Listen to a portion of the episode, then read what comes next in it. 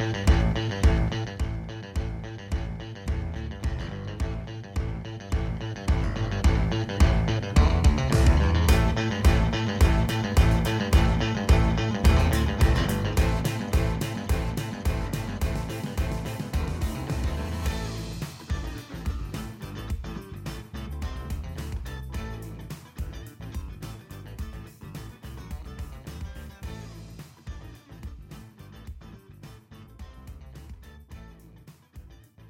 Dobrodošli u sedmu epizodu podcasta Najopasniji rezultat u produkciji velikih priča.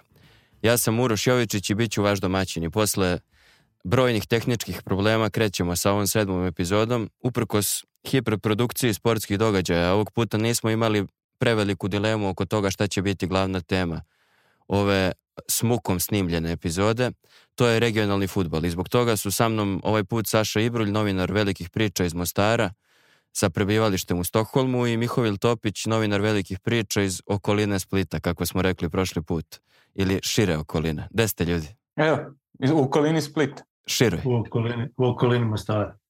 Pre nego što počne... Tako, Bibitus široj. Široj, široj. Pre, pre nego što počnemo sa pričom, ukratko ću po temama slušalcima predstaviti o čemu ćemo zapravo pričati. Crvena zvezda je prva u regionu i matematički obezbedila šampionsku titulu, rutinskom pobedom protiv TSC rezultatom 4-1, iako je na početku delovalo da neće biti tako rutinski. Na kraju lagana pobeda i proslava titule, time je Zvezda postala i prvi siguran učesnik Lige šampiona. Ako ne računamo ove iz, velik, iz Liga petice gde su ljudi obezbedili mesto prva četiri, ali Zvezda je kao šampion, eto prva zvanično na sajtu e, Lige šampiona. Situacija je slična odlučan, ali ne i matematički u Hrvatskoj i u Bosni i Hercegovini. Ipak iz Hrvatske će nam u fokusu biti Hajdukovi i Njunjori, što kaže Boro, koji su igrali finale Omladinske lige šampiona i tu su se proveli Hajdučki, a kada je u pitanju Bosne i Hercegovina pričat ćemo o Mostaru i futbalski faktički podeljenom gradu i najaviti finale kupa. Nadamo se da ćete uživati, sigurno će vam biti bolje nego nama u pripremi ove epizode momci da krenemo od Beograda, to je neki moj predlog, onako kao jednog starog hegemona, onda da krenemo iz, iz najvećeg grada u regionu. Kako vama sa strane iz okoline Splita i Mostara izgleda razvoj srpskog prvenstva? Ili vam uopšte izgleda nekako? Ajde, Sale, ti prvi. Pa, prva stvar koja meni sa strane upada u oči je uh, sistem takmičenja i, i, i generalno način na koji je liga organizovana. Sam, sami, rezultat, sami rezultat mi ne, naš, ne, ne, ne predstavlja neko veliko iznenađenje obzirom da, da koji Iole pratio ovu sezonu, vidio je razliku koja je između Crvene zvezde i svi ostali i otprilike to imamo u svim ligama u regionu. Međutim, znači, kad dođeš do ostali stvari, u Bosni i Hercegovini i u Hrvatskoj su stvari drugačije postavljene i sezona je, kad podvučeš crtu, zanimljivija puno nego što je u Srbiji generalno i mislim da je to jedan od prvih problema koje, koje, na koje treba obratiti pažnju ovako kad gledaš sa strane. Odmah ono problemi, odmah problemi. Ali upravo si, da, nastavi. Da, ništa mislim. Sama činjenica da, da zve, ok, Zvezda je toliko dominantna i puno bolja ekipa od ostalih, puno bolji futbal igra od ostali, ali činjenica da od koliko imaš osam ekipa u toj nekoj, u toj nekoj ligi za prvaka ili ne znam ni kako ste je nazvali, pola utakmica se igra za ništa, pola utakmica u drugom dijelu prvenstva se igra za ništa i, i dođe u situaciju da, da nema nekog velikog interesa za domaći futbal, da se onda nadoštiklavaju one priče, ne valja ništa, samo problemi, samo problemi. Mislim da je to ono naš početna, nemaš preduslove da razmišljaš o pozitivnim stvarima. Tako da s te strane, a sa futbolske strane, kažem, nema se puno toga reći, e, samo je pitanje na koje možda ti najbolje možeš odgovoriti, ali Zvezda toliko bolja od ostali ili su ostali toliko zaostali kvalitetom za Zvezdu. Miho, kako tebi, kako tebi izgleda razvoj srpskog prvenstva? E, meni je problem sa srpskim prvenstvom što postoji u ovom obliku. što postoji, tačka. postoji, može, može, može ići. E, vidi, 16 klubova za jednu Srbiju, gdje ti je upitno je li šesti klub zapravo solventan, je li zapravo postoji u, u pravom smislu riječi, je bizarno preveliko prvenstvo. I to omogućava i zvezdi, ok, zvezda bi ove godine bila prvak da se igralo bilo kako, ali omogućava tim jačim klubovima da puno lakše se odvajaju. Ti kad imaš e, Spartak i Subotice, Javor, Mladost, to su prelagane utakmice za Zvezdu, za, za Partizan. To, to prelagano ide. I generalno je problem e, tako malih, malih liga. Recimo, ja gledam Hajner. Hrvatska liga ima 10 klubova i tek u ovakvim sezonama ti shvatiš koliko je to taman. Jer veliki problem na je prošle sezone bilo što smo imali devet klubova. Dragovoljac se raspao negdje u pola sezone, nije bio financijski solventan, raspao se i dobivao ih je koje god stigao i onda se dogodi ovo što kaže Sale, jedna utakmica tjedno ti se ne igra za ništa. Znaš da ćeš dobiti dragovoljca, nije te briga. Ali i onaj u Srbiji se, u Srbiji se jedno šest igra za ništa svakog vikenda, tako je. Miho, kako ti vidiš kraj srpskog prvenstva? Razvoj zapravo još uvijek nije kraj pa vidim, što se tiče srpskog prvenstva nije da, da imam šta puno ni gledat. Imam situaciju da imam 16 klubova u ligi i sad kad ja to uspoređujem sa nekakvim svojim iskustvom iz HNL-a, iz te priče nije mi jasno odakle ideja natrpat 16 klubova. Jer e, imam osjećaj da to previše olakšava stvari ovima na vrhu. Ok, Zvezda bi ove sezone i možda i prošle i možda idućih jer taj nekakav e, uspjeh u Europi ti je akumulirao i novčana nekakva sredstva, akumulirao ti je zalihu to da možeš se pojačavati. To se ti nadaj to... da je akumulirao. akumulirao. Trebao bi. U teoriji, u teoriji. Trebao. Trebao. Trebao. E, dovodi to situaciju da je tebi utakmica protiv Javora e, šetnja da je tebi utakmica protiv e, Spartaka i Subotice šetnja, da Kolubaru ti moraš dobiti. Razlika u budžetima je prevelika i ja sam siguran da Srbija nema kvalitetu, igračku kvalitetu, financijsku kvalitetu, svakakvu kvalitetu za 16 klubova. Ja mogu pričati o HNL gdje ove sezone u ovom trenutku sad imaš 100 utakmica na nož. Ok, imaš uh, Dinamo koji će izgledno biti prvak, ali se svi bore za nešto, bore se za ulazak u europska natjecanja, bore se za opstanak i svaka utakmica ti je natjecateljski važna. Šta kad igraju Kolubara i napredak? Zašto oni igraju? Dva ispadaju, jedan je prvak, eto njih par nek se bori za nekakvu Europu imaš ogromnu količinu klubova koji se ne natječu za ništa, a preslabi su da bi nekome zagorčali život. I to je, mislim da je format, format natjecanja jako pogrešno napravljen. Definitivno. Format takmičenja je pogrešan, e, broj klubova u ligi je problematičan. E, ono kad si u jednom trenutku, kad smo pričali pa si spomenuo da je to bilo u ovom ili onom prethodnom uključenju, da da je pitanje da li je šesti klub solventan u Srbiji, sad bez pretjerivanja, pitanje je da li je drugi klub u Srbiji solventan. Ajde, ovaj koji su drugoplasirani, oni jesu, ali pitanje je da li je treći, četvrti solventan i kako uopšte postoji. I situacija e, u, u srpskom futbolu je specifična zbog toga što kad pričamo o tim utakmicama koje su šetnja, zapravo je pitanje da li je više od da li su možda tri utakmice na nož kad je Crvena zvezda u pitanju. Zvezda će biti šampion i razgovarali smo o tome da li je zvezda toliko bolja od ostalih ili su ostali toliko slabi i zapravo zaostali za zvezdom. Nisam siguran da je to u ovoj situaciji pitanje. Pitanje da, ko, je, ko je možda najmanje loš, ja bih tako rekao. S obzirom na to da je zvezda posle nekoliko sezona koje su bile jako dobre i u Europi, zvezda donela veći, najveći broj bodova kad je u pitanju koeficijent i, i donela je tu poziciju Srbiji pred ovu sezonu da stvarno ekipe koje budu na prva četiri mesta mogu da naplate to što su tako dobro plasirane. Zvezda se u ovoj sezoni prilično, kada je kvalitet igre u pitanju, spustila na jedan level ispod, a, a dokaz koliko je ostatak lige zaostao je da i pored toga nisu uspeli ni blizu da priđu. Partizan je značajno izgubio i na kvalitetu i organizaciji. Klub izgleda ono autodestruktivno potpuno, trenutno je na četvrtoj poziciji, posle derbija bi mogao da završi na petoj, tako da i da posle 95. prvi put ne igra Evropu.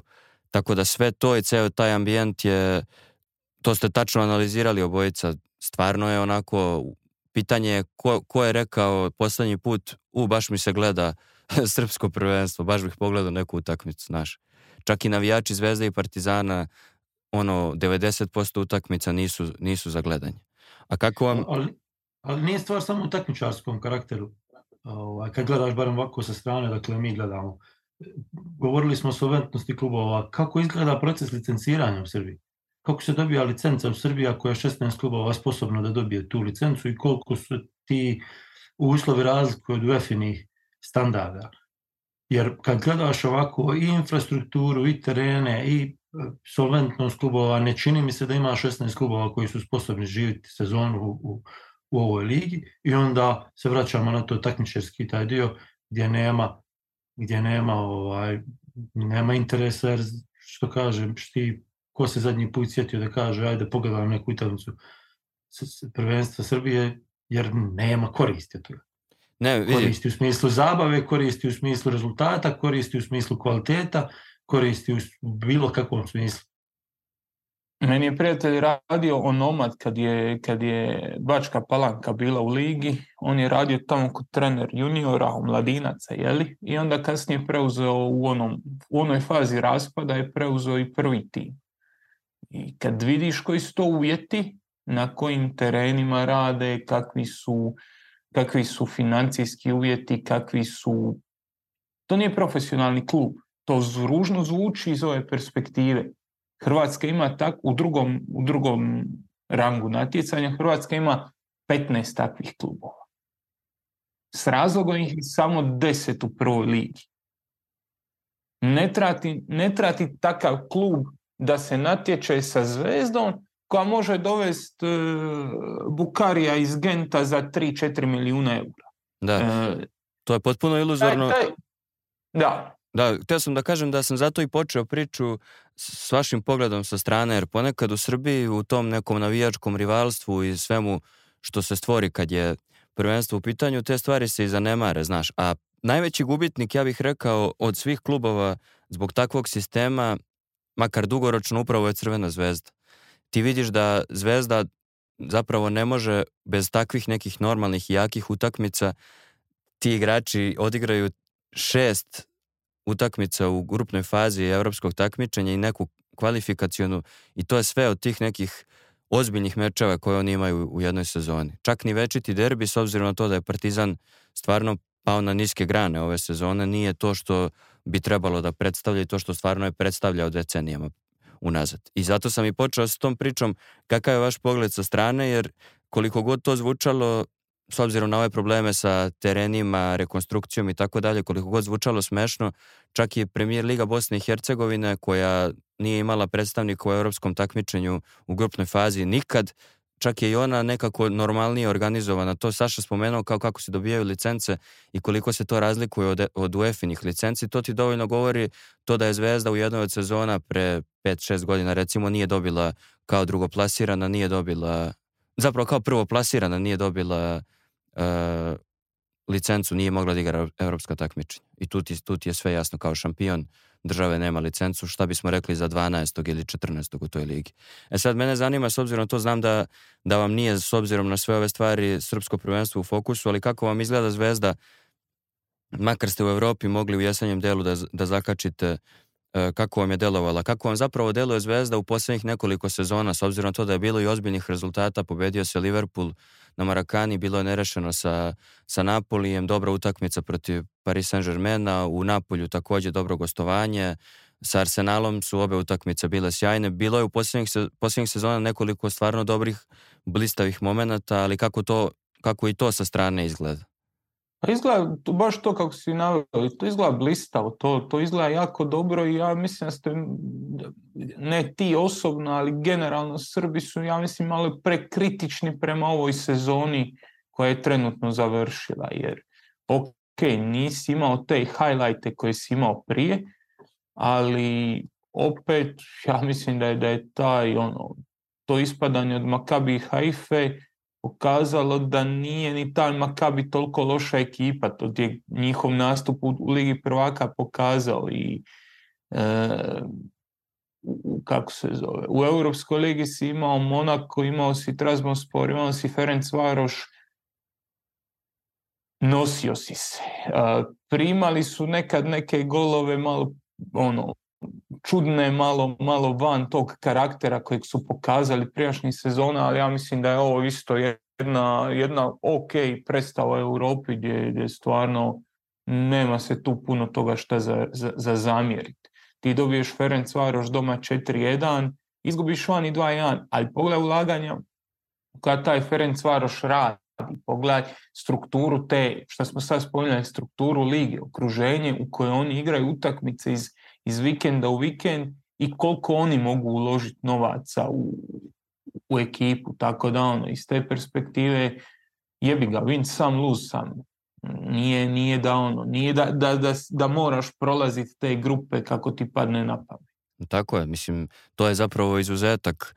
Ti prolasci su samo ti neki blistavi trenuci i ta proleća u Evropi su, su zapravo ono izuzetak koji potvrđuje pravilo, a pravilo je ovo što smo pričali u u prethodnom segmentu. Kako tebi sada izgleda zvezdina sezona? Rekao si ti da, da su dominantni, da su da je bila očigledna svakom ko je malo pogledao neku utakmicu, očigledna razlika između njih i ostatka lige. Kako ti vidiš šta su tebi neke osnovna, osnovna neka zapažanja o zvezdi? Pa vidi, mislim da se moramo vratiti na ono što si ti rekao u jednom trenutku, a to je da ovakav sistem i ovakav način igranja u ligi uh, dosta utiče na, na najviše utiče na Crvenu zvezdu kad je, kad je dugoročno gledano. Mislim da je, da je ova sezona i dobar pokazatelj toga. Ovo što smo sve govorili, što se nabrajao velike rezultate koje su napravljene u Evropi zadnjih nekoliko sezona, to jesu svojevrsni bljeskovi i to jesu svojevrsne Znaš, tu je motivacija drugačija, tu je pristup drugačiji i, i, i, i stvari se drugačije postavljaju, ali kako vrijeme prolazi i to se mijenja, jer postaješ standardnim dijelom tog nekakvog kruga klubova u Evropi i onda i očekivanja rastu, a ti kod kuće svake subote igraš bez, bez prave konkurencije. I mislim da se to ove sezone donekle vidjelo na zvijezdi. Dakle, na zvijezdi, dakle imaju kvalitet, puno su bolji, imaju jako dobrog trenera i, i vidiš da su daleko iznad lige, ali da naprave neki iskorak nedostaje im kontinuitet. A kontinuitet se ne može dobiti kad nakon Monaka ideš, ne znam, kolubari ili šta ja znam kako već ide, ne želim nikoga da uvrijedi, nego, ne, ne mislim uopšte da, su, da je Kolubara loš klub, Kolubara može biti odličan klub, nego je stvar u tome da, da nemaš pravu konkurenciju kući i sad oni igraju pola godine, zašto? Jeste, to je... Ni za šta. I, I to će se prenijeti na Evropu, jer ćeš biti u jednom periodu bez prave utakmice, u principu, osim derbija, gdje ti je samo više taj nekakav mentalni ulog nego, nego nego što takmičarski što ima obzirom na, na stanje Partizana. I onda kad dođe nova sezona u Europi, opet će očekivanja biti da dobijaš i Liverpoole i Milane i Bayerne i šta ja znam koga, a teško održava taj isti nivo tako dugo, teško je biti iznenađenje naš nakon 3-4 sezona u Europi. Jeste, svakako meni je e, kad sam dolazio ka studiju, kad sam hodao, palo na pamet da sam kao klinac ono, na fakultetu još bio u jednoj redakciji gde je Vlada Novaković bio glavni urednik i vlada je zadao zadatak kad je Zvezda izgubila od, od Irtiša iz, iz Jeniseja, čini mi se, kad su izgubili e, nešto u posljednjem minutu ili smo primili neki gol u posljednjem minutu e, i onda je vlada dao zadatak da se napravi analiza u 21. veku svih takvih zvezdinih poraza. I ja sam uzeo kao klinac tu analizu da radim i došao sam do nekog broja da, su, da je zvezda, računajući finala kupa derbije, i utakmice u Evropi 22 puta u 21. veku do te, znači to je 2016. 17. 22 puta izgubila u poslednjim minutima u, nadokna, u, u, ono, u nadoknadi. 22 poraza u tim važnim utakmicama velikim i onda znaš kao to je ozbiljno jedan uh, luzerski karakter izgrađen u tom periodu, pogotovo što je Partizan imao ono gotovo decenijsku dominaciju u jednom trenutku i mislim da je to jak, jako uticalo na to da, da Zvezda zna da i ako ima dobar rezultat, postoji šansa da, da se sve sruši u narednih pet minuta i mnogo puta se to desilo i onda je došao Vladan Milojević i on je potpuno promenio karakter. I ovo što je Miho rekao u jednom trenutku e, da je Zvezda ove sezone primala golove kakve nije primala prethodnih godina. Kao da je Milojević, ne kao, nego jeste, on je utegao to da, da Zvezda od Krasnodara koji je prošla u, u play-offu za Ligu Evrope i imala tu sezonu posle mnogo godina konačno u grupnoj fazi. Od te utakmice pa sve do, do, do nekog Olimpijakosa u Atini i, i, ili, ili ove sezone Zvezda nije pokazivala e, slabost karaktera nekako. Nije bilo tih glupih golova, prolazili su se protivnici koji su bili značajno bolji na, na nekoj lestvici i pred, pred utakmicu označavani kao favoriti. Kopenhagen je izbačen, izbačeni su takve ekipe su izbacivane, Young Boys, a onda smo došli u situaciju da je Vlado Milović otišao, da Dejan Stanković preuzeo tim i nije uspeo da se plasira u Ligu šampiona, ali imao jako dobru sezonu u Ligi Evrope, gde je e, prez, došlo ono proleće u Evropi, opet jedan hype i Zvezda je nekako kroz to proleće u Evropi, u, u Ligi Evrope zapravo uspevala da održava taj hype i to da, da, ima za, da tim ima zašto da se bori. A onda kad je završena sezona pred novu godinu, ti onda shvataš da, da ti nemaš u drugom delu sezone nemaš nikakav motiv, već imaš ogromnu prednost u odnosu na ostatak lige i kao nemaš, nemaš zapravo ni taj hype, nema, nema ljudi na tribinama, nema ničega. Jako mala poseta ove sezone što se vrlo često u analizama zanemaruje. A kako vam izgleda opet sa strane činjenica da je Partizan četvrti i da bi mogao da bude peti? na, na kraju sezone. Mogao bi da bude i drugi, naravno, ali u ovom trenutku deluje da, da lako može da sklizne na peto mesto. Ipak je Partizan bio deo velike četvorke i ajde sale ne uredi velike petorke u jugoslovenske i nekako deluje da i u Srbiji ljudima koji znaju šta se dešava deluje čudno, pa me zanima kako deluje vama u, u Hrvatskoj i u Švedskoj. Pa mene iz... Reci, ajde. Evo ja ću iz tog švedskog ugla uređenog. šal na stranu, kako, kako uopšte opisat opisati čitavu situaciju osim haotično. Znači, ti si sada u situaciji da kad gledaš sa strane, nemaš koga ni upitati šta se dešava u Partizanu, jer koga god, koga god upitaš šta se dešava u Partizanu, slegne ramenima. Na terenu je ludnica, oko terena je ludnica, na, na, na, na tribinama je ludnica, Tako do te mjere je došlo da, da bukvalno nemaš šta odgovoriti na pitanje šta se dešava u Partizanu, bez obzira koliko pokušavao saznati. Ako nisi skroz unutra, a oni koji skroz unutra neće puno da pričaju. Tako da i sa strane izgleda bukvalno haotično. E sad, pitanje, pitanje je geneze kaosa. Nije pitanje, kaos je, to, to, je, to je očito, ali pitanje je kako dolazi do tog kaosa i koliko na sve utječe to ta, da, ta, da opsjednutost ligom prvaka, opsjednutost e, lovom na prvo mjesto i tom platinijevom podjelom da kad put prođeš u ligu prvaka, kad jedanput se plasiraš gore, e, onda ima novaca i za opljačkat, ima novaca i za staviti u vlastiti džep, ali ima i novaca za pojačati ekipu i dodatno stvarati razliku u odnosu na, na supar. To se kaže ja, za pojas i za pop, E. I za galamit.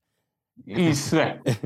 E, e, tako da ono, e, imam osjećaj da, da, da, se Partizanu dogodilo to nešto ono, e, nije da su se zadovoljili tim Europskom ligom, konferencijskom ligom gdje su imali izlaz, nego da se nekako polakomilo za tom ligom prvaka gdje si realno još uvijek bio predaleko toga i gledao si Zvezdu kako igra tu ligu prvaka i onda je krenuo nekakva raspad sistema u, u tom lovu.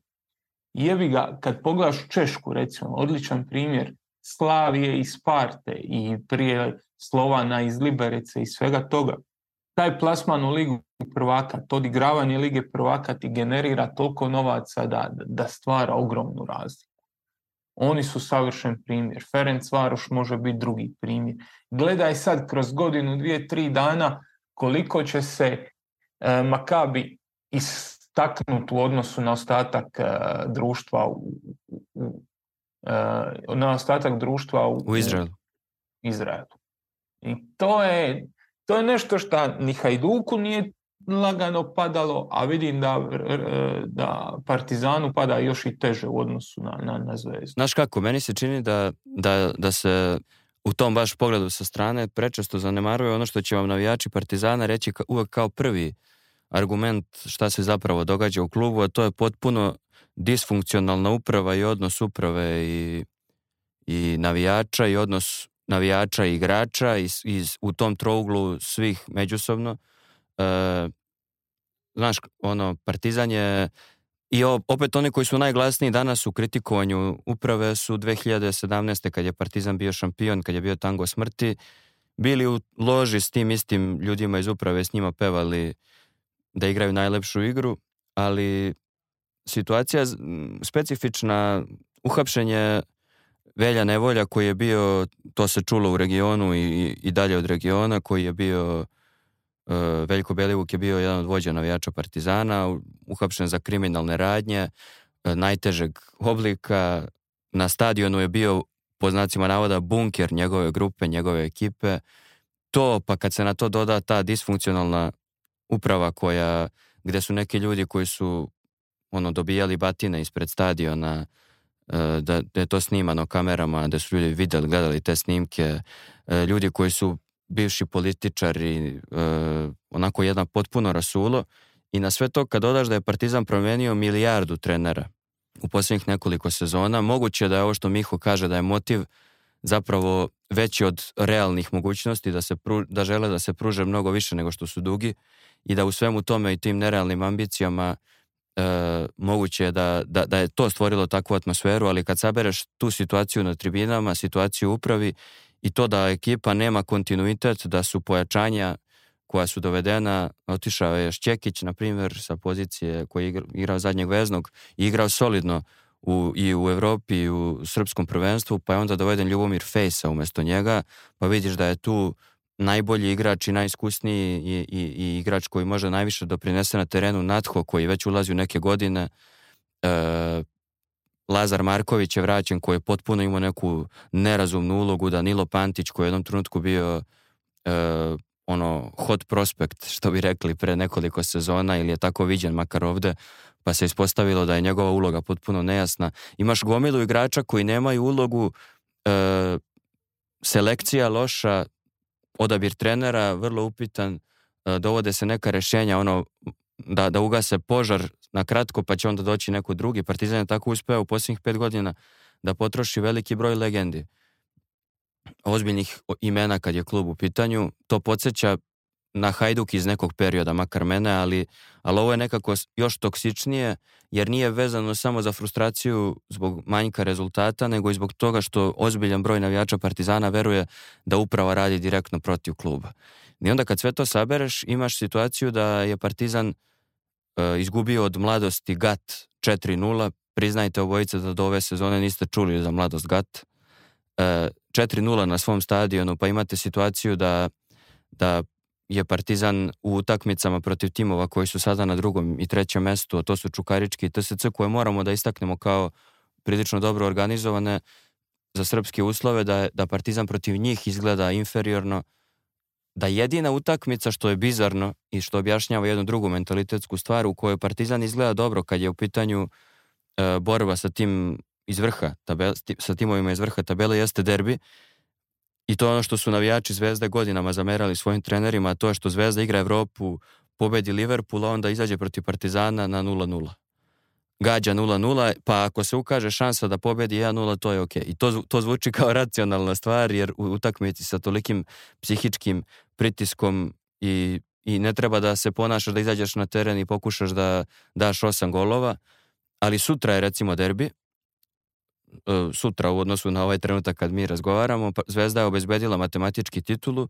i čujem od navijača da, da, da imaju očekivanje da sutra Zvezda da 5, 6, 7 golova Partizanu, s obzirom da izgleda loše, a da je Zvezda u mnogo boljoj poziciji i isti ti navijači se pribojavaju da Miloš Milojević neće izaći sa takvom postavom na teren i sa takvim pristupom, nego će izaći tek da odradi utakmicu, da pobedi 1-2-0 i, i, završi to. Nekako Partizan, jedini, jedini tim protiv kog Partizana uspe da, pardon, protiv kog Partizan uspe da, da održi neki nivo igre, to je zapravo Crvena zvezda. E, mislim da smo ovaj srp, deo analize e, srpskog prvenstva uspešno priveli kraju posle različitih problema i da idemo na kratku pauzu i posle pauze onda pričamo o Hajdukovom uspehu u, u Evropi i hrvatskom prvenstvu i o završnici premijer Lige Bosne i Hercegovine. Čujemo se brzo. Podcast Najopasniji rezultat proizvodi velikih priča. Za samo evro možete se pretplatiti na portal Velike priče i šest meseci čitati, slušati i gledati sve što radimo. Dostupna je i godišnja pretplata. Život je velika priča. Ne propuštajte ga. Vraćamo se posle kratke pauze u sedmu epizodu podcasta Najopasniji rezultat u produkciji velikih priča i priči o regionalnom futbalu. U prvom delu smo obradili srpsko prvenstvo koje se privodi kraju i najavili večiti derbi koji će Crvena zvezda i Partizan pred praznim tribinama, gle čuda, odigrati na stadionu Partizana u sredu. Večiti derbi koji nema rezultatski značaj za poredak na tabeli, ali će imati veliki rezultatski značaj za navijače jednog i drugog kluba i večiti derbi koji bi, ako se završi nepovoljno za Partizan, e, mogao da izazove različite promene i buru E, među tim navijačkim jezgrom i među pristalicama Partizana koje su u ovom trenutku pozitivno ishajpovane zbog rezultata košarkaškog kluba koji učestvuje na top 8 Euroligije i ima najviše ambicije. E sad ćemo pričati o, o jednom klubu iz regiona futbalskom koji je u Evropi imao najviše ambicije i došao na prag e, zvanja evropskog šampiona, ali na kraju nije sve ispalo po planu. E, Miho, kako bi ocenio ovo što se dogodilo Hajduku iz Splita? Hajduk je uspeo, juniori su uspeli da se plasiraju u, na Final Four uh, omladinske lige šampiona, u polufinalu savladali Milan i onda u finalu doživeli jedan mali brodolom od Aze Alkmara koji ne mora da bude čitava priča oko Hajduka ni preterano optimistična, ni tragično s obzirom na rezultat u finalu. Daj nam neki kratak sažetak šta se zapravo desilo. Sve je delovalo hajdučki. A sve, sve regularno. A mislim, ako ćemo konkretno u finalu, AZ Alkmaar je vjerojatno u ovom trenutku jedna od najjačih akademija u e, Europi. Njihovi rezultati već duži period su on, na, na samom vrhu njihova produkcija igrača je top. E, na kraju kraja kad vidiš s kojom lakoćom su oni izbacili i Barcelonu i Real ove sezone i s kojom lakoćom e, šamaraju e, Ajax u domaćem prvenstvu, onda ti je jasno da, da tu pričamo o nečemu što je vrijedno respekta. Tako da ono nije, a jebi ga izgubili ste od nekog AZ Alkmara, nego stvarno taj rezultat finale je samo po sebi jedna velika stvar. Šta se dogodilo? Ja mislim da je ovo posljedica jednog dobrog rada koji traje 5-6 godina, gdje je bilo puno kritike zašto nisi prvak, zašto nisi ovo, zašto nisi ono, ali složio se neki sustav, složio se neki, neka vrsta rada koja je na europskoj razini, koja ima koji ima principe koji su atipični za ovaj naš, za ovaj naš e, sustav, za ovaj naš mentalitet. Jer evo, sad smo pričali o srpskom, sad smo pričali o futbalu i sad se prebacujemo u nogomet. Futbal i nogomet, Tako je. futbal i nogomet nemaju iste probleme. U Hrvatskoj nemaš Belivuka, u Hrvatskoj nemaš... E, nemaš te, nemaš derbi koji se igra bez navijača, nemaš, nemaš te stvari koje su tu, a u neku ruku standardni dio folklora. Kod nas je to, imaš i toksičnosti, imaš jučer e, Hajduk izgubi, imaš ruganje, imaš e, podbadanje, ali si lišen te toksičnosti dnevno političkog e, sadržaja i to ti je nešto što je ogromna prednost kad tako ideš. Sastavljati neke programe, neke strukture, neke sisteme na koje se možeš osloniti. Imam osjećaj da, da se nekakav Luka Vušković rodi u Srbiji, da mu ne bi menadžer bio uh, Pini Zahavi, znači čovjek koji vodi uh, od Levandovskog pa nadalje, nego da bi se tu umiješao nekakav lokalni šerif koji bi preuzeo tu vlast.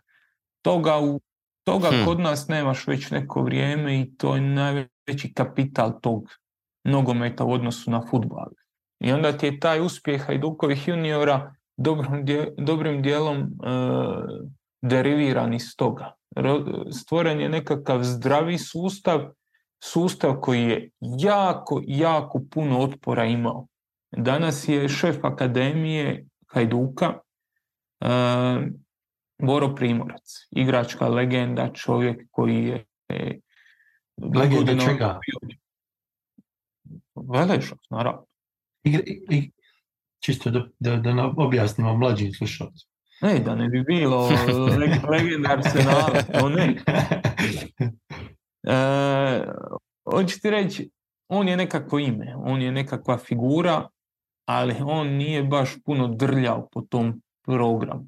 Taj program je, ja moram reći, naslijedio od e, Gojuna koji je tu bio u dobroj mjeri uljes, koji je bio e, nekakav dečko koji je došao, odnosno čovjek, ajde, malo, malo je stariji bio i s nekakvim iskustvom on je došao e, nakon što je radio u Dinamu pa u Saudijskoj Arabiji, on je došao s tim nekim svojim laptopima i s tim svojim nekim E, likovima koji su tu došli mijenjati, izbacivati legende kluba, imao je jako velik otpor i u medijima i u toj hajdučkoj zajednici legende kluba, legendarni igrači su se jako teško mirili s tim da je došao neko koji je to revolucionizirao, koji je to neko nešto krenuo, neka preslaganja gdje nema mjesta za njih. Sad kad je to Boro Primorac, njemu je malo teže, njega je malo teže napadat, pogotovo sad kad su došli rezultati. Ali to je nekakav, nekakav plan, to je nekakav kontinuitet rada koji je tekst, ono, koji sad dao svoj maksimum, koji sad doveo Hajduk u finale e, juniorske lige prvaka, koji je Hajduk preveo preko Milana, preko Manchester Citya, preko Borussia Dortmund i preko Šaktara iz Donjecka, što su onako respektabilne, respektabilne akademije. E, Manchester City plati igrača koji je igrao protiv Hajduka 8 milijuna eura. Dijete od 16 godina. 8 milijuna eura iskrca za njega. Hajduk da, Hajduk to, to, ne može u prvom timu da uradi. Hajduk ne... u prvom timu može milijun potrošiti na igrača. Eventualno. Pa to. Tako da ono, to, to, to je ogroman rezultat ogromna je simbolička vrijednost toga. E sad, je li, hoće li od toga klub imati e, nešto ili neće, to će odlučiti situacija u prvoj momčadi koliko će se tih igrača uspjeti nametnuti kao vrijedno za prvu ekipu i koliko će njih napraviti karijere. A tu su nekad neki izvanjski faktori preveliki da bi, da bi se uopće moglo ulaziti u pretpostavke i nekakve, nekakva predviđanja. Da, za velike priče je jedan novinar koji piše za nas od početka, Mihovil Topić, ne znate ga vi, napisao sjajnu priču, Dobar, odličan ti je bio taj tekst o, o, o tome da, da je ova zapravo situacija sa klincima Hajdukovim e, most između prošlosti i budućnosti, most ka nekim velikim evropskim utakmicama koje Hajduk igra u svojoj prošlosti i ka nekoj svetloj budućnosti koja bi mogla da, da se doživi ako na pravi način bude iskorišćen kvalitet koji ova ekipa ima. I e, sad ono što je meni zanimljivo i, ovaj, i ovo finale je nekako most ka, ka pro, prošlosti i budućnosti zato što je opet jedan ono urnebesan, tragičan poraz koji će se prepričavati jer nije mogao Hajduk da izgubi 2-0 tek onako da, da se završi utakmica nego je morao da bude 5-0 za, zaraze. Nekako kao da je, kao da je to, kao da je deo tog hajdukovog identiteta ili tako opet nama sa strane izgleda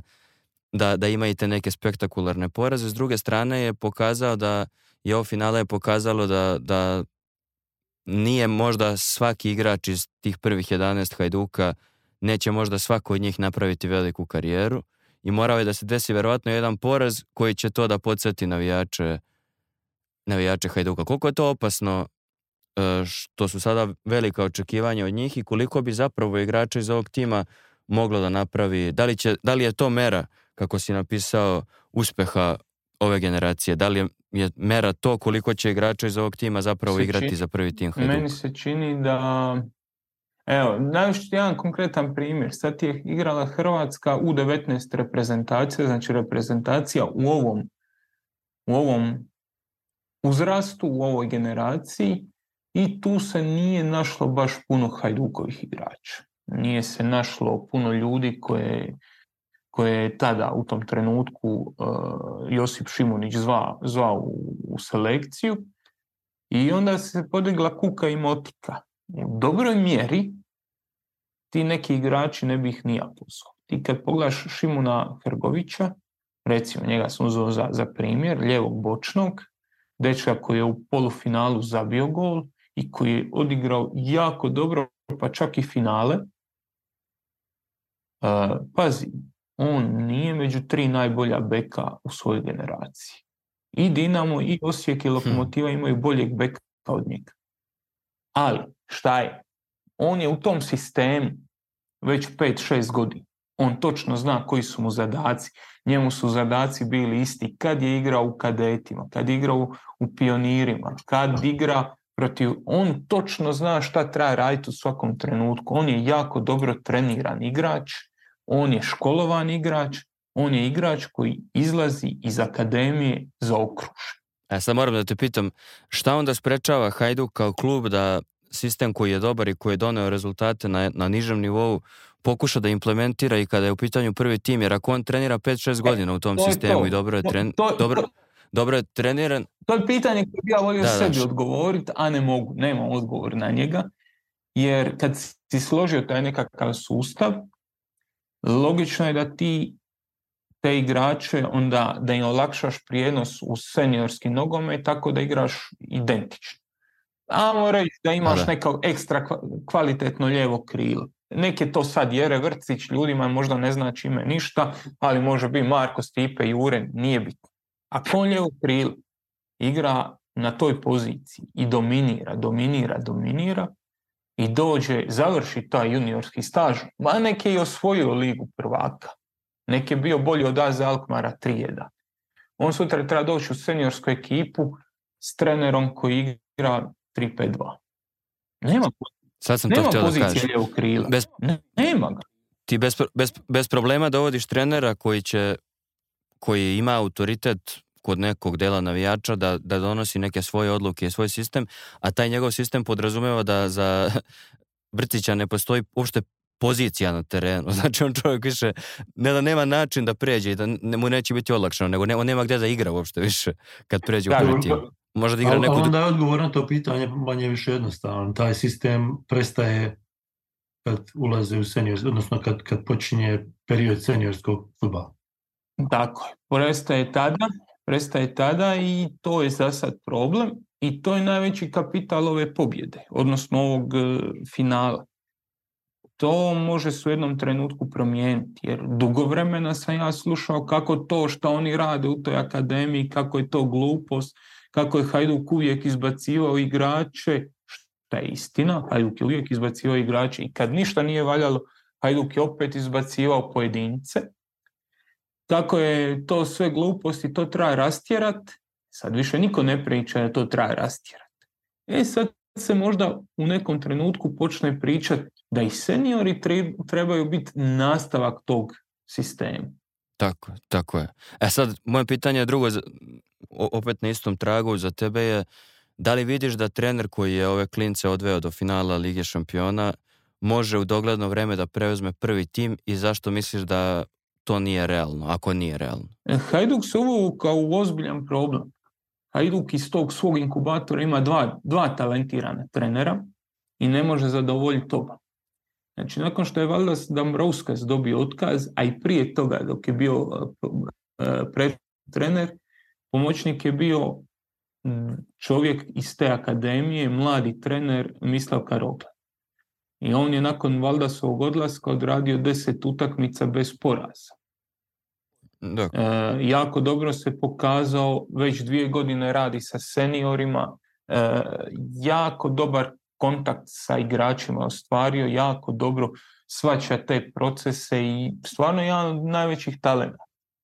I sad ti imaš veliki problem, imaš njega u klubu, imaš trenera juniora, e, Budimira u klubu, i imaš trenera prve momčadi, e, Ivana Leku koji je osvojio prvenstvo u, Belgiji, koji je godinama radio, odnosno godinama, godinu i po dana radi u Kini, koji ima autoritet, ima imidž i koji stvarno nije loš trener.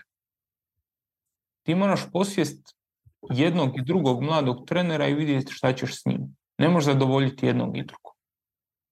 Znači, ne možeš jednom i drugom dati šansu.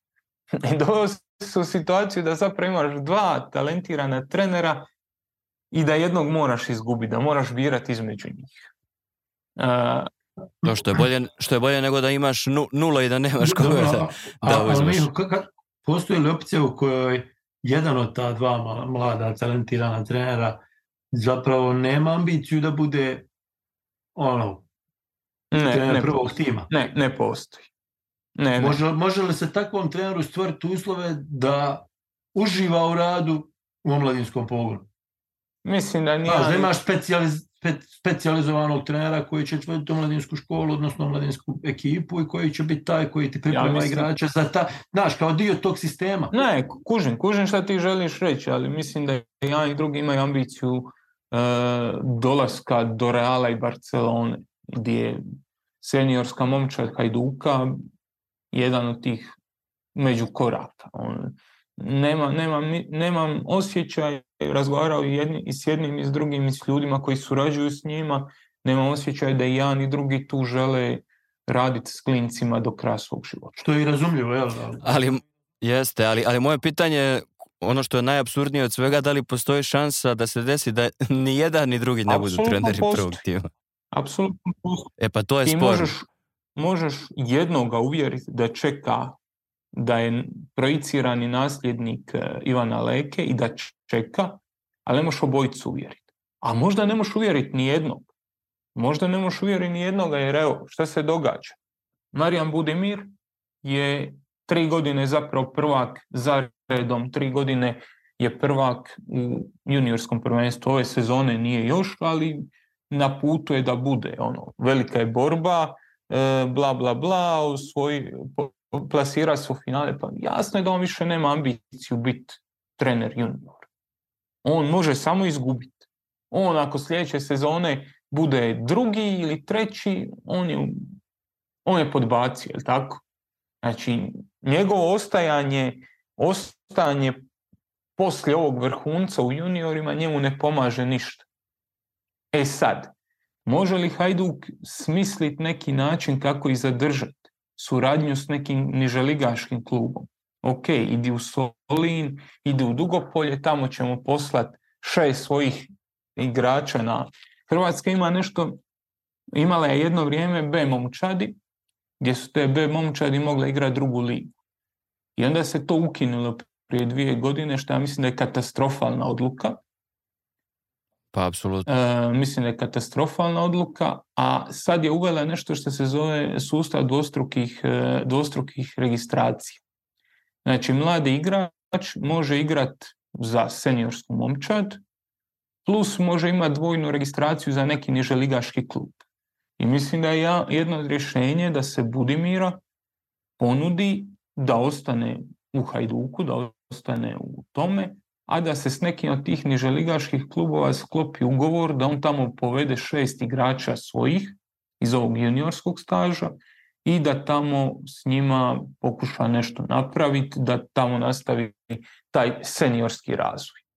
Da, zvuči, zvuči logično, samo je pitanje, moje pitanje je bilo pomalo tendenciozno jer meni izgleda kao da ni Hajduk kao ni Zvezda ovde, ni ni najveći klubovi u regionu, a to je opet stvar mentaliteta i nešto što verujem ipak ne može tako lako da se popravi samo tako što dovedeš par ljudi sa laptopovima, jer kao što si objasnio, ali kao da tendencijozno neko izbegava da, da poveže prvi tim i, i omladinsku školu i taj sistem koji je tamo napravljen i kao da se tendencijozno izbegava dovođenje tih ljudi koji su na, možda među najtalentovanijim trenerima u, u, u zemlji. Mm, nisam siguran da sam u pravu i da sam u poziciji da, da donosim sud o tome, ali mi tako izgleda kao da se nema poverenja dovoljno. Ipak je on vodio samo junior, daj dovedi ti nekog sa strane koji ima neki autoritet. A gled, to, to, to, su on, to su krugovi kojima se vrtiš. Daj malom, mladom, talentiranom treneru, pa onda daj nekom iskusnom, pa daj autoritetu, pa daj starom igraču. Vrti se to u tim nekim krugovima, to je ono, Sa, sa, sasvim neka meni očekivana stvar. E, neka ti se dogodi da ti se sve otvori, neka ti se sve zatvori. Veliki problem, da, da slučajno Ivan Leko nije legenda kluba, da nije igračka legenda kluba i da nema taj naslov u Belgiji, on bi vjerojatno već prepustio svoje mjesto e, Budim on mhm. ovako sigurno ima potporu javnosti pa da, puno pa veću tako. nego što je imao recimo Valdas Dambrauskas koji je vodio i Ludogorec koji u svojoj karijeri ima 14 trofeja što je onako vrlo pocijenjen faktor. On je osvajao trofeje u Litvi, u Kurcu Palcu, ali nije osvajao u Splitu. I onda samim time kao da nije ništa osvojio. Ivan Lejko ipak druga stvar i tu je ono, to, to je taj faktor. Da je neko drugo ime, ja sam uvjeren da bi već sad znali da je Marijan Budimir iduće sezone trener prve momčadi. Tako da on, nisu to univerzalni problemi, da, ali... su više situacijski problemi, jebite.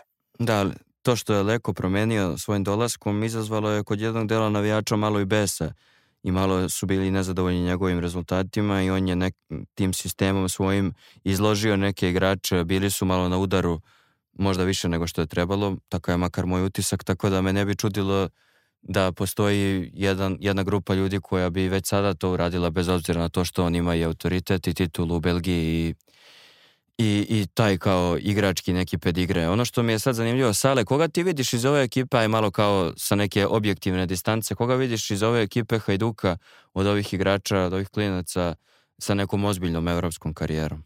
To je bukvalno Nezahvalno je procenjivati, ali što, onako, hajde. Ne znam, mislim.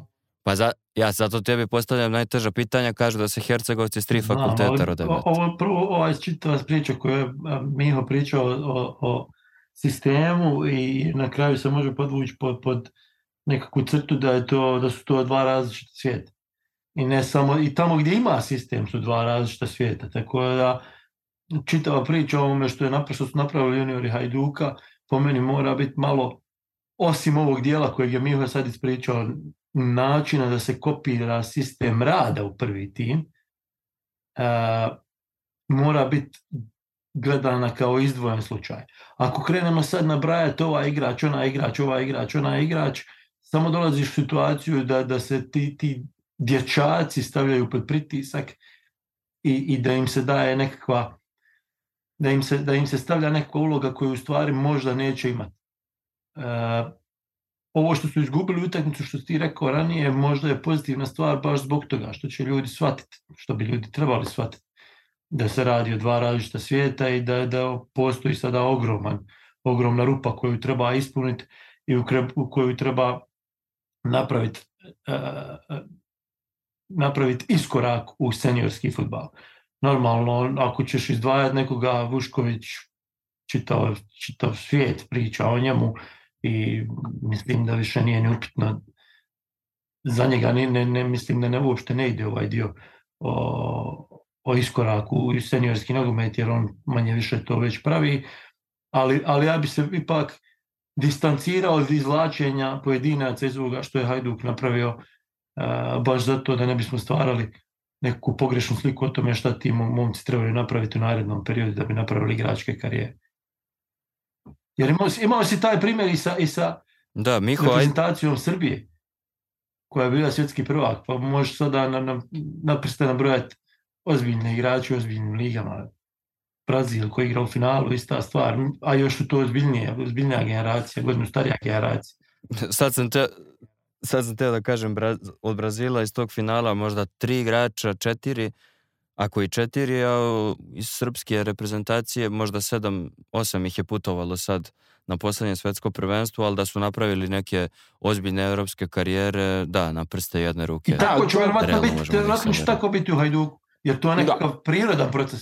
Da iz te da, ekipe, iz ono. tih 18 dječaka izađe da, sedam budućih solidnih igrača, desetak oni koji će igrati drugu i treću HNL i, i dva, tri jako dobra. To bi e. bilo vrhunsko. E, ja sam teo... Ja sam teo mi da se pravimo pametni pa da kažemo ko će biti ta dva, tri dobra, pogotovo, pogotovo što imamo penal, mislim nije baš da je toliko izdvaja, nejasno ko se tu izdvaja. Jel? I, da. i, i, i Vušković. Tako Ali je. ovo što je Sale rekao i što je zapravo poanta svega. Hajduko akademija je uvijek znala izbaciti tog jednog ili dva. Poanta je da tebi svaki junior koji završi može igrati barem drugu ligu. I to je kvaliteta rada. Da ti stvoriš krštene, normalne, školovane igrače koji mogu igrati ozbiljan nogomet. To je to. To je kraj priče. E, ne možeš stvoriti igrača za Chelsea, ne možeš, taj igrač se mora roditi, on mora imati u sebi nešto, ali ti bi barem mogao stvoriti igrače za Šibenik, za Goricu, za Dugopolje, da ti igrači koji izađu iz te akademije nešto znači. I to je ono što se događa To je ono što se događa zadnjih par godina, jer ti kad brojiš sad igrače po HNL, koliko po HNL ima igrača koji su igrali u toj B momčadi Hajduka i koliko imaju važne uloge, tu shvatiš da je ta škola ipak neki kurac napravila. Da to nije ono, da to nije bila samo utopija nekakva, nego da je to bilo nešto realno. Apsolutno, da. Da. E sad pričali smo... Ti, ti si imao situaciju, izvini što da prekidam, imao situaciju gdje je prije čini mi se 2018. nisam 100% siguran, Žezdničar napravio e, najveći uspjeh juniorskog futbala u BiH, kad su igrali protiv Atletico Madrida, mislim u 16. finalu Mladinske ligi prvaka. Da ti sad imaš situaciju gdje od tih 11 momaka koji su uh, igrali protiv Atletico Madrida, na Grbavici je bilo, ne znam, 7-8 hiljada gledalaca, dakle, neću reći, ne, ne upoređujem s ovim što je napravio Hajduk, ali iz te perspektive BH to je bila stvarno velika stvar, ali ti sad imaš situaciju da od ti 11 koji su startali tu utakmicu, ja mislim, barem trojica ne igraju futbal nikako, a trojica su u, u, u nižim ligama u, u BH. I e sad zamisli kad je u BH tako gdje je kvalitet futbala generalno loš, na, hoću reći ne izbacuje to automatski, ni, ni, ne daje nikakav rezultat automatski. Vidi, ja sam, ja sam proveo 10 godina radeći kao trener mlađih kategorija, ne u ovom sportu, ali znam kako izgleda prelazak. U svakom sportu je to zapravo najveći problem prelazak iz juniora u, u seniora, to je bukvalno prelazak iz jednog u drugi svet, nego sam samo hteo da, svestan sam toga, nego sam hteo samo da izdvojimo to kao generacijski te bisere koji su stvarno se izdvojili i na ovom finalnom turniru i tokom čitave knockout faze su pokazali da su stvarno za klasu iznad ostalih i nadam se i verujem da će njih dvojica i možda još neko uz njih naći svoje mesto i u A reprezentaciji Hrvatske. E sad spomenuo si Željezničar, dobar, dobar e, šlagvord za prelazak na, na treću temu danas, a to je Mostar. E, ti šlagvort, ali ajde, nek bude. nije, baš, nije baš da, da je šlagvort, dobro, ali dobro si iskoristio. Tako. Pa, Bosna je jeboga ti. Ovo je pa Hercegovina. Pa nije ni to, je. Pa samo te čekam, samo te provociram. Ali moram, moramo se nekako prebaciti na treću temu ili da ostanemo da pričamo za uvek o Hajduku. Ti ako si za to, nemam ništa protiv. Svakako, eh, da pričamo o završnici eh, sezone u, u premijer Ligi Bosne i Hercegovine i najavljenom finalu Kupa i derbiju koji je odigran u nedelju. Jesi raspoložen da pričamo o tom derbiju uopšte? Pa jesam. U principu, iako su, znaš, ljudi, generalno je takva a, percepcija u BH da ako nije bilo 15 šansi, ako nije bilo 22 udarca u okvir, utakmica je bila loša i nezanimljiva i nisu nam nisu nas baš počastili pravom futbalskom predstavom. Međutim, mislim da derbi bio jako dobar. Velež je odigrao malo izgled moje očekivanja, pogotovo u drugom polovremenu. Pokazao se da mogu biti ravnopravni. S druge strane, Zrinski još jednom potvrdio koliko se dobro u ekipi radi i mislim da nakon svega ima se o čemu pričati kad je derbi u pitanju i to je najvažnije. E sad, hoće biti odigran derbi u finalu kupa? Naravno, zašto ne bi bio Dinamo u finalu kupa? Si, si, dakle, finale, finale kupa je zakazano za 17. maj uh, u, u Zenici. Sinoć sam se dopisivao sa, sa Markom Tomašem, navijačem navijačem Veleža i tvojim sugrađaninom i, i saradnikom velikih priča pa je on u fazonu preće ga otkazati nego da ga... Pa, nego da ga... Znaš, kako, znaš kako, to je problem, problem funkcionisanja Nogometnog saveza Bosne i Hercegovine i ljudi koji se bave futbalom Bosne i Hercegovine, gdje se na probleme odgovara dizanjem tepiha i guranjem stvari po tepih. Tako da ne bi bio nikakav šok da oni kažu, znate šta, mi nismo u stanju da organizujemo ovo finale Lige prvaka, on pravi finale Lige prvaka, finale kupa BH, pa ga nećemo, nećemo ga organizovati, neko oni odigraju utakmicu u, u trening centru, mi ćemo to zatvoriti, zaključat, bacit ćemo im loptu, njih 22 nek onaj, malo trče i daćemo im pehar ako neko zabije gol. To ne bi bilo nikakav šok, nikakav šok to ne bi bio jer, jer tim ljudima apsolutno ništa ne znači, znaš, da kažu mi smo nesposobni. Samo malo da ljepše to zapakuju. Tako da Marko nije daleko od, od da bude u pravu, međutim kako sad stvari stoje, 17. maj stadion Bilno polje, Imao si prošle godine tu situaciju, recimo kad su igrali Veleš Sarajevo u finalu u Zemci, gdje, gde su navijači Veleža da treba biti smešteni, smešteni na južnoj tribini i navijači Sarajeva na, na sjevernoj tribini, dakle da razdvoje jel, dvije navijačke grupe kako to obično biva. I onda su navijači Čelika, koji je domaćina na stadionu Bilno polje, koji je trenutno u drugoj ligi federacije, zato što su sami otišli tamo, nije važno, sad to je duga priča, uh, samoinicijativni uh, bankrot, U svakom slučaju, oni su prosto rekli ne može niko na južnu tribinu jer je to naša tribina. To je Savez dovelo u situaciju da su jednostavno nisu prodavali karte za tu tribinu. I ti imaš finale kupa u kojem se odričeš jedne tribine, u kojoj ti je teže organizovati jer jednu navijačku grupu moraš staviti na, na, na srednju neku tribinu, nije važno koju, smanjuje se kapacitet u trenutku kad i navijači, veleže navijači Sarajeva traže bukvalno svaku kartu jer je stadion bio krcat, i njihov je odgovor na to šta mi da radim. Znaš? Ne, ja sam, ja sam prošle godine imao sreću da taj dan kad je bilo finale budem prepodne u Mostaru, a popodne u Sarajevu. I baš je bio ono, i, na, jedno, i na, na, ulicama jednog i drugog grada bilo baš mnogo ljudi, baš je bio veliki hype i onda kao imaš tri tribine dostupne da, da svi ti ljudi. I sad zamisli situaciju gdje imaš utakmicu između Veleža i Zrinjskog, dakle dva m, možda i naj E, žešća, najljuća rivala, ako uzmemo odnose navijača u Bosni i Hercegovini. I opet ćeš imati situaciju, vjerojatno, gdje će Rabijaši reći ne može se na južnu tribinu. Kako organizovati utakmicu gdje smjestiti navijača? Da. A da, da sebi smanjiš probleme. Ne, zato je Marko, vjerojatno... To je bi, bizarno, bizarno da, da neko može reći ovo je naša tribina. Znaš, dođeš u Rim da igraš finale Kupa Italije i kažu ne možete vi na sjever, ne možete vi na jug stvori jednu tribinu i Atalanta i Milan gledajte nako, koliko vas pa može se igra u Saudijskoj Arabiji. Problem je. Možda to rješenje, da im igramo u Saudijskoj Arabiji. E, ali imali smo Marko i ja baš i tu tezu. On kaže, gde god pomere da se igra na, neutralnom terenu, tu će Velež imati mnogo više navijača, kao ne isplati im se, vrat. I, I, to stoji. Da se igra u Zagrebu, u Splitu, u Beogradu, gde god da se igra, Velež će imati mnogo više navijača. Sad kaži mi, kad smo već kod ove priče, e, kako ti izgleda ova sezona cela? E, Zrinski ima realno samo nastavak, ovo je samo nastavak ono što se dešavalo prošle sezone, deluje prilično nedodirljivo.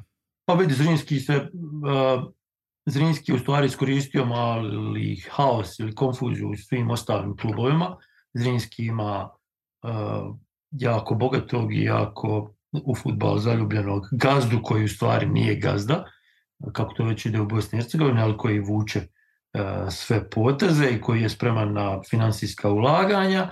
Zrinski ima jako veliku političku podršku, što je izuzetno važno u Bosni i Hercegovini. Svi klubovi koji su uspješni zapravo imaju političku podršku. E, Zrinski ima solidno stoji u Nogometnom savezu Bosne i Hercegovine, što je opet jako važno kad je u pitanju BH futbal i na kraju su e, napravili nešto što većina klubova u BH ne radi, a to je da su vjerovali u trenera kojeg su doveli. Sad ću se ovdje malo ograditi, jer kad je Sergij Jakirović, e, Jakirović, Jakirović kako ko kažu u nas u Mostaru, Jakirović, došao u Mostar i vodio Zrinski, on se nije plasirao u Evropu, za one koji se sjećaju u toj svojoj prvoj sezoni, i pitanje je da li su oni njega ostavili zato što su toliko vjerovali u njega ili zato što nisu imali bolje rješenje u tom trenutku. Međutim, ispostavilo se da, da to što je on ostao je njemu dalo priliku da je pitan samo jednu stvar. Kad je to spriječilo nekoga da da otkaz zato što nema bolje rješenje?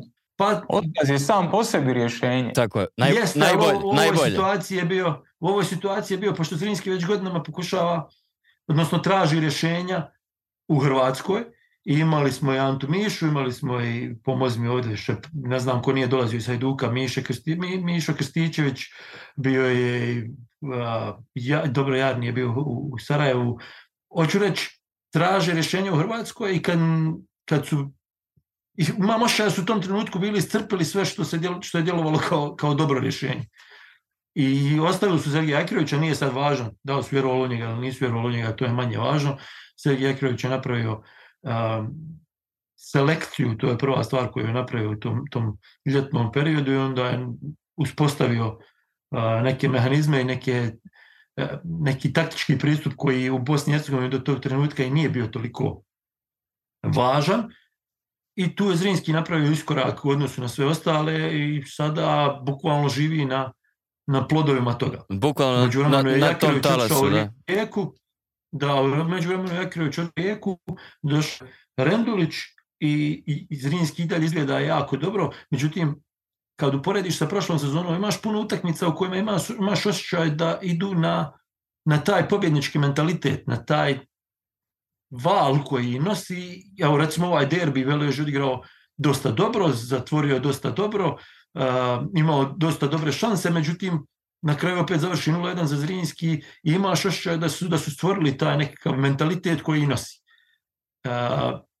umeđu vremenu, kažem još jednom, ostali, Sarajevo ima velike probleme, željezničar ima ogromne probleme, Čelika nema nikako, e, Borac bi nešto, ali radi nešto na pogrešan način, pa onda znaš, tek na pola sezone uspiju malo se konsolidovati, to im se dešava već tri sezone, e, Tuzla City se ove sezone maltene raspala, slobode maltene nema i bukvalno su iskoristili to što, što je za, za uspjeh u Bosni i Hercegovini potrebno jako malo da napraviš mali iskorak, da budeš malo bolje organizovan, da imaš malo više para i da to pretvoriš u rezultat. I Zrinski je to radio u ove zadnje dvije sezone. Da, meni, mene zanima, samo pre nego što dam Mihi reč, za kraj, e, da najavim da će o Čeliku čitaoci velikih priča moći da čitaju u narednom periodu iz, iz tvog pera. A Miho, mene zanima, zanima ukratko da kažeš ljudima u minut bukvalno po čemu je Sergej Jakirović specifičan i da, gde vidiš njegovu karijeru da se nastavlja, ka, kakva, kakav je njegov potencijal, pošto je i dok je bio ovam u Zrinskom, ali i ranije, i znam da ste i vi na tribini davali veliku pažnju njemu i njegovom radu, pa u, u minut, bukvalno, kako vidiš Jakirovića? Pa vidi, ono što njega razlikuje od drugih je koliko uključuje svoje asistente, koliko im vjeruje i koliko on nije zapravo one man show. Kad je on došao u Mostar, pa smo nešto pričali, pa ovo, pa ono, njegov najveći dobitak je njegov kondicijski trener. E, čovjek koji je spremio tu momčad da odgovara taktičkim zahtjevima koje on ima, E, imam čovjek koji spremi momčad do te mjere da, da ta momčad može igrati nogomet, futbal, šta god, da može igrati na toj razini, da mete tu ligu, da, da e, po svakakvim terenima, i kad su bili dobri, i kad su bili loši, ima nadmoć. Plus, dodaje ljude koji su mu pomogli u toj selekciji, u skautiranju, dovođenju, jer on prvoj, nakon te prve sezone, u toj prvoj pauzi doveo hrpu ljudi iz druge hrvatske lige, ali su svi redom bili na vrlo visokoj motoričkoj razini. Tu, tu ću ja samo uskočiti. Tu je razlika koju je napravio Jakirović u, u Zrinjskom, recimo ono što nije Feđa Dudić napravio u Veležu. Trenutak kad je napravio rezultat a, i kad je trebao napraviti iskorak sa Veležom, tu je trebao ići na, na, na, na angažovanje analitičara, na angažovanje novih ljudi u stručnom štabu, na, na do, na uplitanju tuđeg mišljenja koji će mu pomoći i napraviti iskorak svelaž. Velež je došao na tu tačku i onda kad je došao tu, na tu tačku nije napravio to. Zrinski je jedini to uradio. Svi ostali ranije, Željo je bio jednom vrijeme na toj tački, sama Romosimo nije napravio iskorak. Uh, Sarajevo je bilo na toj tački, mijenjalo trenera, ali je bilo na toj tački, nije napravilo iskorak borac u jednom trenutku blizu te tačke je bio, nije napravio iskorak. I zato je Zrinski napravio ovo što je. I e, mi sad pričamo zapravo... Ja, od... ja stvarno mislim da ovo što je kaže da je to baš ključ, ključni moment, jer oko sebe ekipirao pet, šest ljudi koji su radili s njim svaki dan, a niko drugi nije imao više od dva i to je to, da. to ono I, i od ta dva je uvijek jedan, jedan legenda kluba koja, eto, hajde da ga zaposliš i jedan ko, ko radi. Tako da uvijek da. imaš jednog lika koji slaže čunjeve i jednog koji u stvari te pomaže kao treneru. Kad se to promijeni u BH futbalu, napravit će se još jedan iskorak i neko će moći pratiti Zrinski. Trenutno se to ne radi. Ne, mi sad kad pričamo i o futbalu i o nogometu, i to je neki moj zaključak, kako god pričali, e, zapravo su to neke proste, racionalne, jednostavne stvari koje bi trebalo da se promene da bi se u stvarnosti napravio značajan iskorak. Znači male promene kakve je eto, Jakirović napravio u Bosni će bi sve klubove unapredile, male promene u pristupu i organizaciji u Srbiji bi donele velike promene zapravo u stvarnosti, male promene u pristupu Hajduka, njegove uprave bi donele možda rezultatski dugoročno značajne promene, tako da mi ostajemo da se borimo i čekamo uh, male korake koje će doneti naš ono uh, efekat leftira u fizici mali trzaj krilima ja. koji sve promeni. A, za kraj ove epizode po tradiciji biramo pesmu, ovaj put ću to da uradim ja, ali u skladu sa preferencijama ostalih ili makar jednog preostalog učesnika ovog podcasta, neka bude Zlatko Pejaković, samo jednu želju imam ili kad prođe sve, zavisi šta je zvaničan naslov. Samo jednu želju imam. Eto, tako. E, hvala što ste, što ste bili sa mnom u ovom teškom, u ovoj teškoj epizodi za sve nas i za priču i za snimanje i mi se čujemo sledećeg ponedeljka utorka, zavisi od 1. maja i, i raznih drugih tehničkih stvari. Čujemo se. Pozdrav. Pozdrav.